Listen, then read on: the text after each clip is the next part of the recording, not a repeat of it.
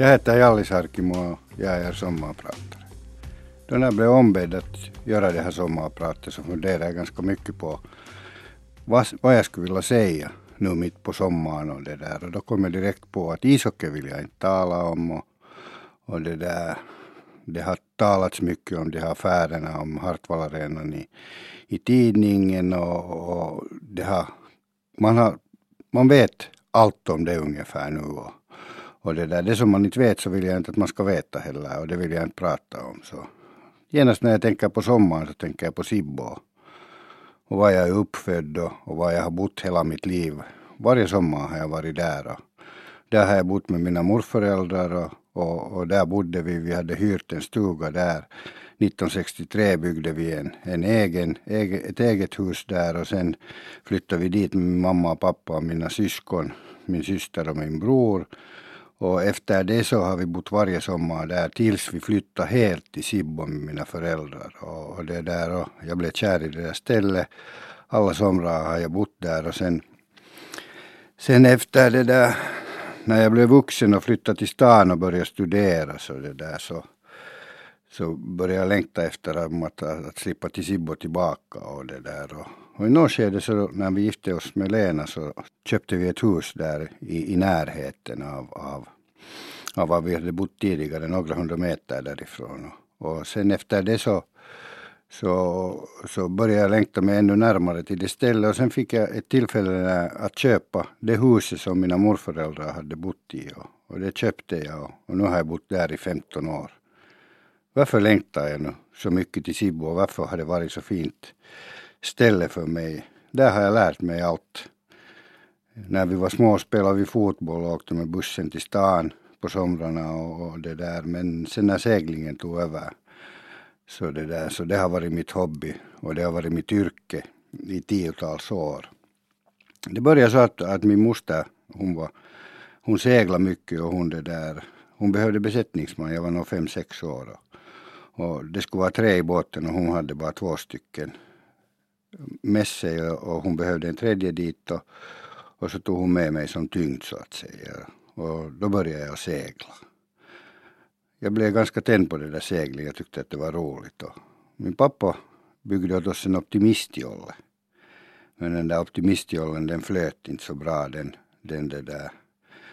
Varje gång vi får ut och segla med den så blev den full av vatten. Han var inte så händig. Han var filmregissör och han gjorde filmer. Så han var inte snickare och, och det där. Sen köpte vi en Göteborgseka som vi kappseglade med min bror. Med ganska många år och ganska mycket. Men, och vi hade en liten motorbåt så vi släpade omkring den här Göteborgsäckan till Svartbäck till Esbo var vi seglade på, på somrarna och var med i alla kappseglingar och sen köpte vi en Flying Junior och, och det där, då blev vi lite, då var vi redan en, en 14-15 år med min bror och, och, vi började gräla ganska mycket. Sen mitt under kappseglingarna så måste jag ta andra människor med och jag, fick, jag tog sen mina kompisar fortsatte jag segla med. Det var, sånt det var ändå lite sånt här turistseglande. Det var på allvar men vi gjorde det för att det var roligt. Men det tände hela mitt, mitt seglingsevenemang, eller det, det tände mig så mycket att sen började jag havskappssegla. Jag, jag havskappssegla i, i över tio år. Jag var med i Gotland runt som är säkert Nordens största, största, största kappsegling och där var jag med det där. Jag var med 12-13 gånger seglade jag Gotland runt som, som är i början av juli. Det var, det var liksom första gången kommer jag ihåg när vi seglade Gotland runt så det var, det var en så lång kappsegling att jag var skitnervös när, när startskottet gick att hur ska jag klara mig och vara så länge på, på havet. Och, och det där men det gick ganska bra och sen, sen seglade jag alla havskappsseglingarna som var i Finland och det där, det har Gotland runt och sen efter det så, så, det där, så var jag med i olympiska träningsringen. Jag seglade 470 och jag studerade då i Hanken. Ja, det där Hanken det var... Jag vet inte varför, varför men det blev ett sånt måste att jag måste komma in till Hanken. Jag hade ju dåligt betyg. Jag hade stannat två gånger på klassen och, och det där och, och det var svårt i skolan. Roligt var det i skolan men svårt var det. Jag kommer ihåg jag hade på det där nionde klassen hade jag medeltal var 5,5. Och det, där, det var verkligt svårt. Men det där, jag provade tre gånger in till Hanken. Och sen kom jag in till Hanken. Och, och under den tiden som jag gick i Hanken och, och blev sen ekonom ganska snabbt på tre år så, det där, så seglade jag 470 då var jag i olympiska träningslinjen så jag studerade en månad och så får vi och segla en månad. Vi var i Frankrike och Spanien och kappseglade. Vi kom aldrig sen till olympiaden. Vi var i förolympiaden i Tallinn. Det var olympiaden som bojkottades av ganska många. Men före olympiaden var vi och därifrån kom jag inte sen vidare. Jag kom aldrig med i olympiaden. Och, och det blev på något sätt när jag, jag det där spelade fotboll och jag spelade och jag, och jag det där seglade så jag var inte riktigt bra i något så det blev på något sätt i mitt bakhuvud att, att jag måste göra något.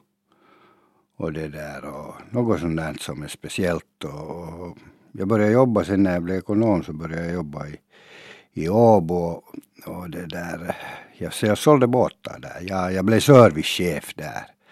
Men jag sålde mera, jag, jag koncentrerade inte mig så mycket på det där servicechefjobbet utan jag sålde båtar, jag är försäljare. Jag kan prata, jag kan inte skriva men jag kan prata ganska bra så jag sålde ganska mycket båtar där och, och det där servicechefsjobbet det blev ogjort där. Och det där, så ringde en av mina kompisar mig en gång när den där högen av det där ogjorda servicechefjobbet var som störst på bordet och frågade om jag skulle vilja få segla runt jorden att han är med i en sån båt som heter Skåpanko och Finland, att det är första finska båten som ska segla runt jorden och det där. Okej, okay, sa jag att det där, titta på den där högen där, att det är nu det enda sättet jag blir av med det där servicejobbet, att jag får med och segla. Nå, inte hade han ju liksom fullmakt att be någon. Att jag hamnade sen på psykologiska tester och de sa där på de där testerna att jag inte passlig att segla runt jorden. Ja, så jag blev andra reserv men det där, den där konsulten som hade testat alla de där besättningsmännen så han bjöd oss till landet då på, det var en sommardag just före slutgiltiga besättningen skulle slås ihop och vi drack ganska mycket Koskenkorva där och det blev jävla gräl sen där på den där på den där festen och det där två av de där killarna stack bort därifrån och jag kom sen som andra reserv med och seglade då ensam inte ensam runt jorden utan, utan med besättning. Vi var elva, elva, elva besättningsman och jag var segeltrimmare och Kenneth Gamberg var då skeppare på den båten. Och och det var en upplevelse som jag nu inte riktigt genast glömmer. Liksom. Att vara den första båten som seglar runt jorden, den finska båten och vi visste inte riktigt vart vi var på väg. Och vi visste att det kommer att bli tufft att komma överens med människor. Nio månader tog seglingen. Det var över 160 dagar var vi tillsammans med hela den där besättningen. Och, och det var ganska tufft. Det fanns många ställen som nerverna höll på nu. När den där killen gör den där surskorpan på samma sätt varje gång och det knastrar när han breder ut smör så ni kan förstå att det tar på nerverna när det går hundrade gången. Och alla har sina egna grejer där så de börjar ta på nerverna. På något sätt så, så det var en ny grej och vi hade en bra, bra liksom eh, vi följdes med i Finland ganska mycket och vi hade bra teamspirit där så vi klarade det ganska bra. Det gick, det gick okej. Okay. Vi klarade inte oss den där seglingen så bra men det var inte tycker jag heller den där hela grejen utan hela grejen var den att man seglar e runt jorden och kommer i mål och klarar av det och är den första finska båten som seglar runt jorden. Och, så det gick, det gick verkligt bra. Vi var nöjda när vi kom i mål och vi var ju stora hjältar sen när vi kom till Helsingfors segla in i södra hamnen. Det var ungefär 10 000, 10 000 människor som följde oss när vi, när vi kom i mål och, och i land i Finland och båten parkerades där och sen seglade vi hela sommaren och visade upp den där båten i Finland. Vi var hjältar på det sättet. Och, och det var en sån här grej som jag aldrig kommer att glömma. Så gick tiden lite vidare och jag började jobba på Fatsa, Fatsa Finland. Min, min släkting Peter Fatsa anställde mig som chef. De hade ett eget projekt som hette Fatsa Finland och jag var projektchef där. Men det var nog inte mitt jobb. När de andra seglade jag var projektchef. Att det där, jag, jag tyckte inte om det. De ringde från Bahamas när jag gick i snön och och slaske här. Jag tänkte att hur har jag hamnat i den här situationen när jag borde vara i den andra änden. Jag läste en bok då om Claire Francis. Hon var, hon var en sån här liten dam från, från England och hon, hon det där, hon blev dessutom författare sen senare. Hon sålde bestsellerböcker. Night Sky hette boken. Hon var sen här och döpte min båt för ensamsegling. Och, och det jag läste en bok om när hon hade seglat över Atlanten och så tänkte jag att jäklar att det där är något som jag verkligen skulle vilja göra. Jag skulle vilja segla ensam runt jorden. Och jag vågar ju inte säga det åt någon att mamma och pappa eller några kompisar eller någon att det där att jag, jag vill segla ensam runt jorden och skulle trott att jag är galen. Men, men det där det blev mitt huvud. Och så byggde jag upp ett projekt själv, liksom lite sådär skymundan. Jag berättade inte åt så många att, att det här är min stora dröm att segla ensam runt jorden. Att, så gick jag till, till ens huvudsponsor, kandidat och de tittade lite på mig att den där killen är riktigt galen. Att han, han tror att han kan klara av att segla ensam runt jorden. Men de tyckte säkert så mycket synd om mig. Men min idé var så dum att de sa att gör nu en, någon slags förslag hur mycket pengar du behöver och hur vi kan utnyttja det. Och så tog jag en reklambyrå och så gjorde vi en presentation. Och jag kommer ännu ihåg, det var 2 november när de, det var min födelsedag. Jag var på Pirat i restaurangen i Drumsö när jag fick telefonsamtal och firade min födelsedag när de ringde till mig och sa att, att de har godkänt det här sponsoreringen, att du kommer att få de där pengarna, att, att vi sätter igång med det här projektet. Och sen behövde jag sidosponsorer till och de skaffade jag. Så vi fick det där projektet finansierat och sen började vi jobba med båten. Det var en Svan 51 som vi kapade en fot bort så att den rymdes i den där 50-fotsklassen. Och, det där. och den började vi sen att utrusta och det tog några år sen att, att göra hela den här grejen. Och sen började ensamseglingen runt jorden. Däremellan så seglade jag ett sånt tävling som hette Sturstar. Jag var annars det där sjösjuk, jag har varit två gånger sjösjuk. Jag var sjösjuk i starten, jag kommer alltid ihåg det. Turstar-starten från Plymouth gick till, gick till Newport, Rhode Island som är mellan eh, New York och Boston och, och där var målet vi seglade över Atlanten och jag seglade med en kvinna den. Det var Mikaela von Koskull, det var två personers kappsegling över Atlanten. Och det där, jag var sjösjuk vid starten, jag stod vid rodret och spydde. Det, det var, det, jag var en gång tidigare har jag varit sjösjuk och det var utanför Hangö. Två gånger i mitt liv har jag varit sjösjuk och det där, den där seglingen gick på något sätt sen vi blev tredje den där Tustar.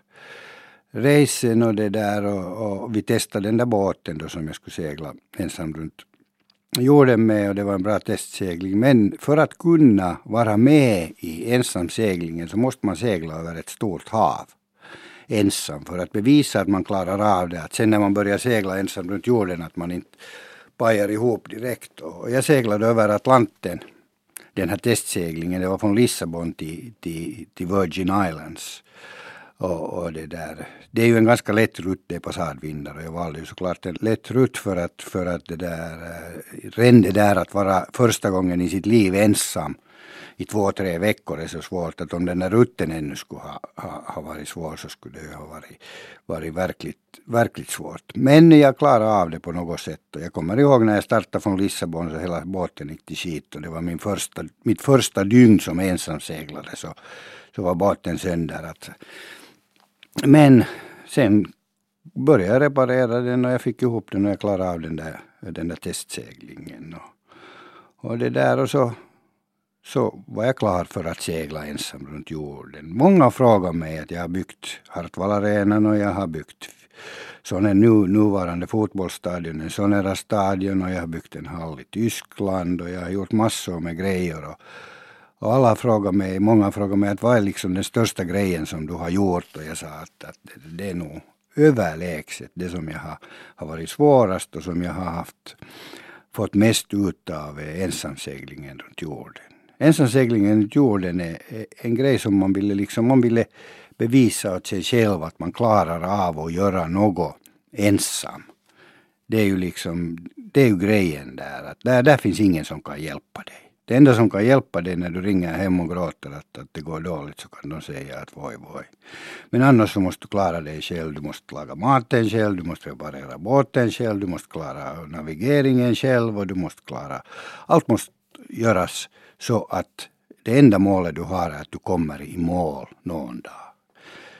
Eh, den resan tog också lite över eh, 160 dygn, det var väl 160 dygn och två timmar och 30 minuter och 15 sekunder något sånt där. Jag kommer inte helt med något ditåt. Och det, där. det är ganska bra den där seglingen. Jag blev ju tredje sen sist och slutligen i den där seglingen. Vi var 26 som, som det där startade i seglingen och, och av de här 26 och det där så jag tror att 13 kom i mål. En drunknade ju där. Det var ganska en grym grej det där.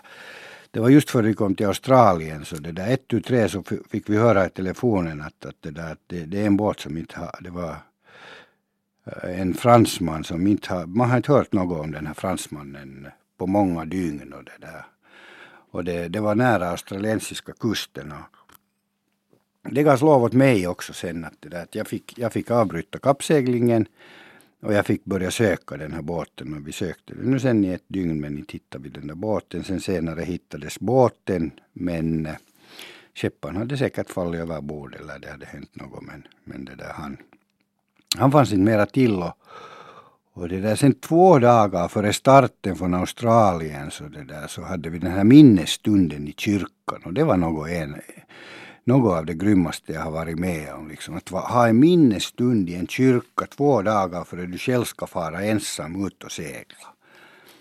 Och det där, och, och där, där var alla, alla som var med i kappseglingen och alla, alla närmaste hans närmaste och det där. Det var ett grymt tillfälle. Sen började kappseglingen efter två dagar och det var egentligen från Australien, eh, det var nästan den svåraste starten åt mig. Det svåraste i ensamseglingen är den där början. Om du tänker dig att i Australien var det över 100 000 människor som var och tittade på starten. Och jag hade mina föräldrar och alla mina bekanta var där och, och, och, och tittade på starten och vi hade haft roligt där i många veckor. Och sen ett, tu, tre liksom så det tar, det tar två timmar så är du helt ensam. Och det är det grymmaste som finns. Det där att det liksom, den där skillnaden mellan att ha varit med när det har varit hundratusen människor som har tittat på det, tv-kameror, vänner och allt. Och sen ett tu tre seglar du i två timmar och ett tu tre är du helt ensam. Det, det är liksom, den där skillnaden är så stor att den där psykiska pressen blir så grym där. Och jag kommer ihåg ännu när jag stack därifrån Australien. Så det var det blev grym storm och jag seglade mot Nya Zeeland och den där båten var halvmeter i luften och det var dåliga vågor. Jag grät så mycket att jag har inte gråtit i hela mitt liv. Jag grät säkert en vecka. Att hur fan har jag hamnat här och vad gör jag här? Det var grymt. Det var, det var verkligen grymt och den där psykiska pressen den var, den var hård.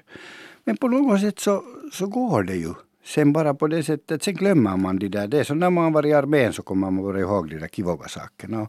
samma i den här ensamseglingen, så man, man, man glömmer det och sen blir vädret bra och så börjar seglingen och, och så klarar man sig bra där och, och, och man märker att grejerna är skick så glömmer man det dåliga. Det är samma som då, då den värsta etappen i ensamseglingen är egentligen när man seglar mellan Kapstaden och Australien. Det var just den etappen som i slutet av han dog. Så det, det är värsta för att där får jag ner dit bland isbergen och, och där gick båten runt.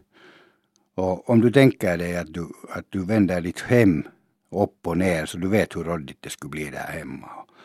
Och, och på samma sätt där var ärtsoppan och oljan och pappren och allt var liksom när båten gick upp och ner. Och, jag föll ut från båten då. Jag var i en sån där räddningslina var jag fast och, och det där jag drog sen efter som en kork därifrån.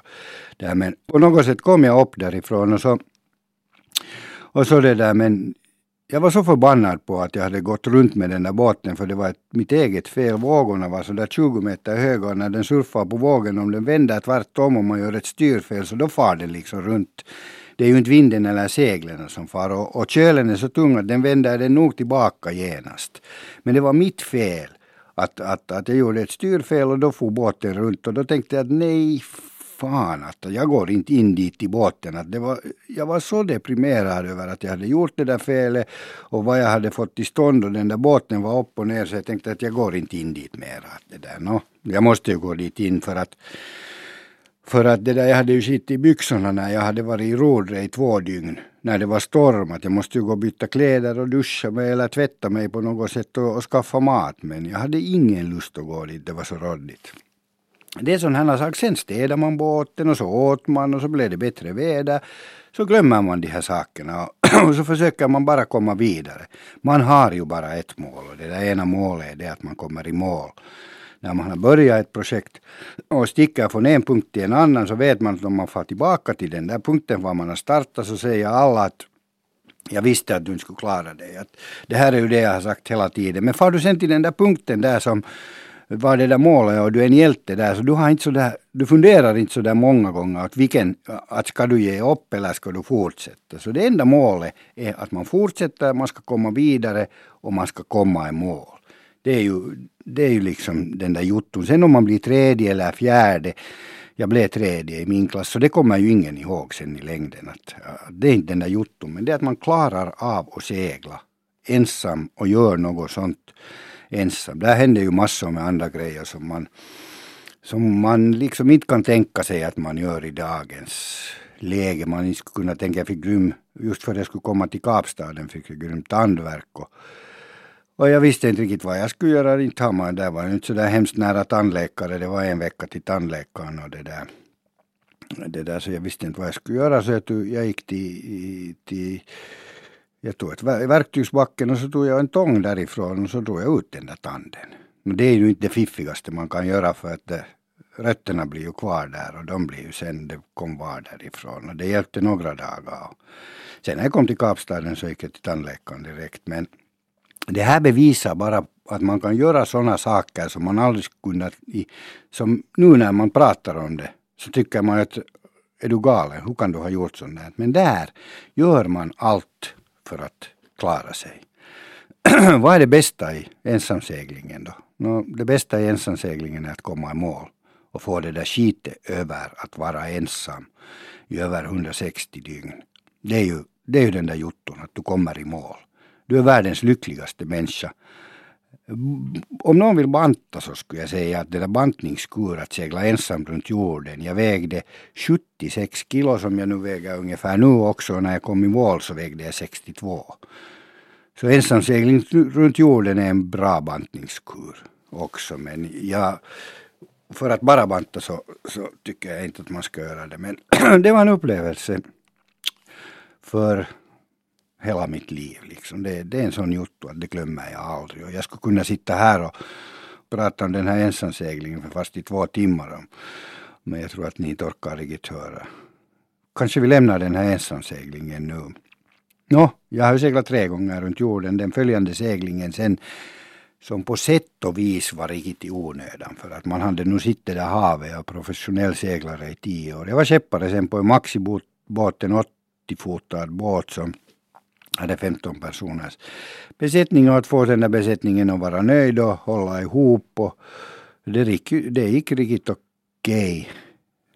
Vi klarade inte oss hemskt bra men, men vi kom i mål och, och, och det, där, det var tre maxibåtar från Finland. Och det var riktigt, jag har inte så mycket minnen från den seglingen. Jag har bara, det var ändå lika många nio månaders segling, det tog inte lika många dagar, det var väl 120 dagar jag har inte några riktigt sådana minnen som om jag nu skulle måste tänka på som som jag hade min bror var med där och där massor med kompisar som var med där, bra seglare, vi hade bra team och vi klarade oss riktigt okej okay, men jag har inga minnen som jag skulle kunna prata om, om den seglingen som, som, som jag skulle nu kunna kunna liksom säga något. Så jag tror vi glömmer den där sista seglingen. Jag tror att, att jag skulle kunna glömma den annars också. Att, att, att sitta på havet liksom. Jag har seglat tolv gånger över Atlanten, tre gånger runt jorden. Så det är lite att kasta bort av sitt liv den där sista gången. Det var inte mera på det sättet. Att man fick inte så mycket ut av det som man fick på de två första gångerna. Så jag kanske, jag kanske vi glömmer hela grejen. Vi talar om, om seglingen, det har varit viktigt i mitt liv. Men sen när jag slutade kappsegla, jag hade ju ändå kappseglat, jag började liksom när jag var 6-7 år och jag kappseglade sen till, tills jag hade seglat den där sista, äh, sista det där äh, gjorde en rundkappsegling med maxibåten, så sen tog det nog slut. Sen har jag nog inte seglat mycket. Jag har, varit, jag seglat lite med mina kompisar men hemskt lite. Att, att, att, att på något sätt så, så tycker jag inte jag skulle inte vilja mera fara och segla. Kanske jag skulle kunna fara med någon kvinna och segla i varma vatten men, men att fara och segla någon kappsegling mera så, så jag seglade, seglade Europamästerskapet i Drake i Hangö för några år sedan och det var nog det var för tungt för mig på det sättet när man inte tränar. Och sen när man varit professionell kappseglare och vill alltid klara sig så borde man träna mycket så att bara gå med i en kappsegling så det är inte min grej. Så jag har slutat segla, jag har motorbåt bara. Jag har inte seglat på jag vet inte hur många år. Men det där, jag har, enough is enough. Jag har seglat så mycket att det räcker för min grej. Nå, ska mina söner bli seglare? Nå, jag har aldrig tänkt på det. För jag hade dem några gånger på något optimistläger. Eller något. De var nog inte så där hemskt intresserade av, av att det där att, att segla. Jokerit har nu varit den där grejen för dem. De har vuxit upp med Jokerit. Och det där och de tycker om att spela ishockey. Och båda yngre sönerna, 8 och 13 år, de, de, spelar, de spelar ishockey. Och, och det där och de tycker att det är roligt. Och, och, men segling har aldrig varit den där grejen. Och, och jag har inte liksom ledsamt efter segling på något sätt. Jag tycker att jag har gjort mitt och jag har fått det vad jag ska få. Jag, jag, tycker att det, jag, tycker, jag har inte velat styra mina söner på något sätt men jag tycker att det är bra att de inte har börjat segla för jag, jag, skulle, inte, jag skulle inte orka mera. Segling, det har varit mitt liv. Jag heter Jallis Arkimo och idag har jag varit din sommarpratare.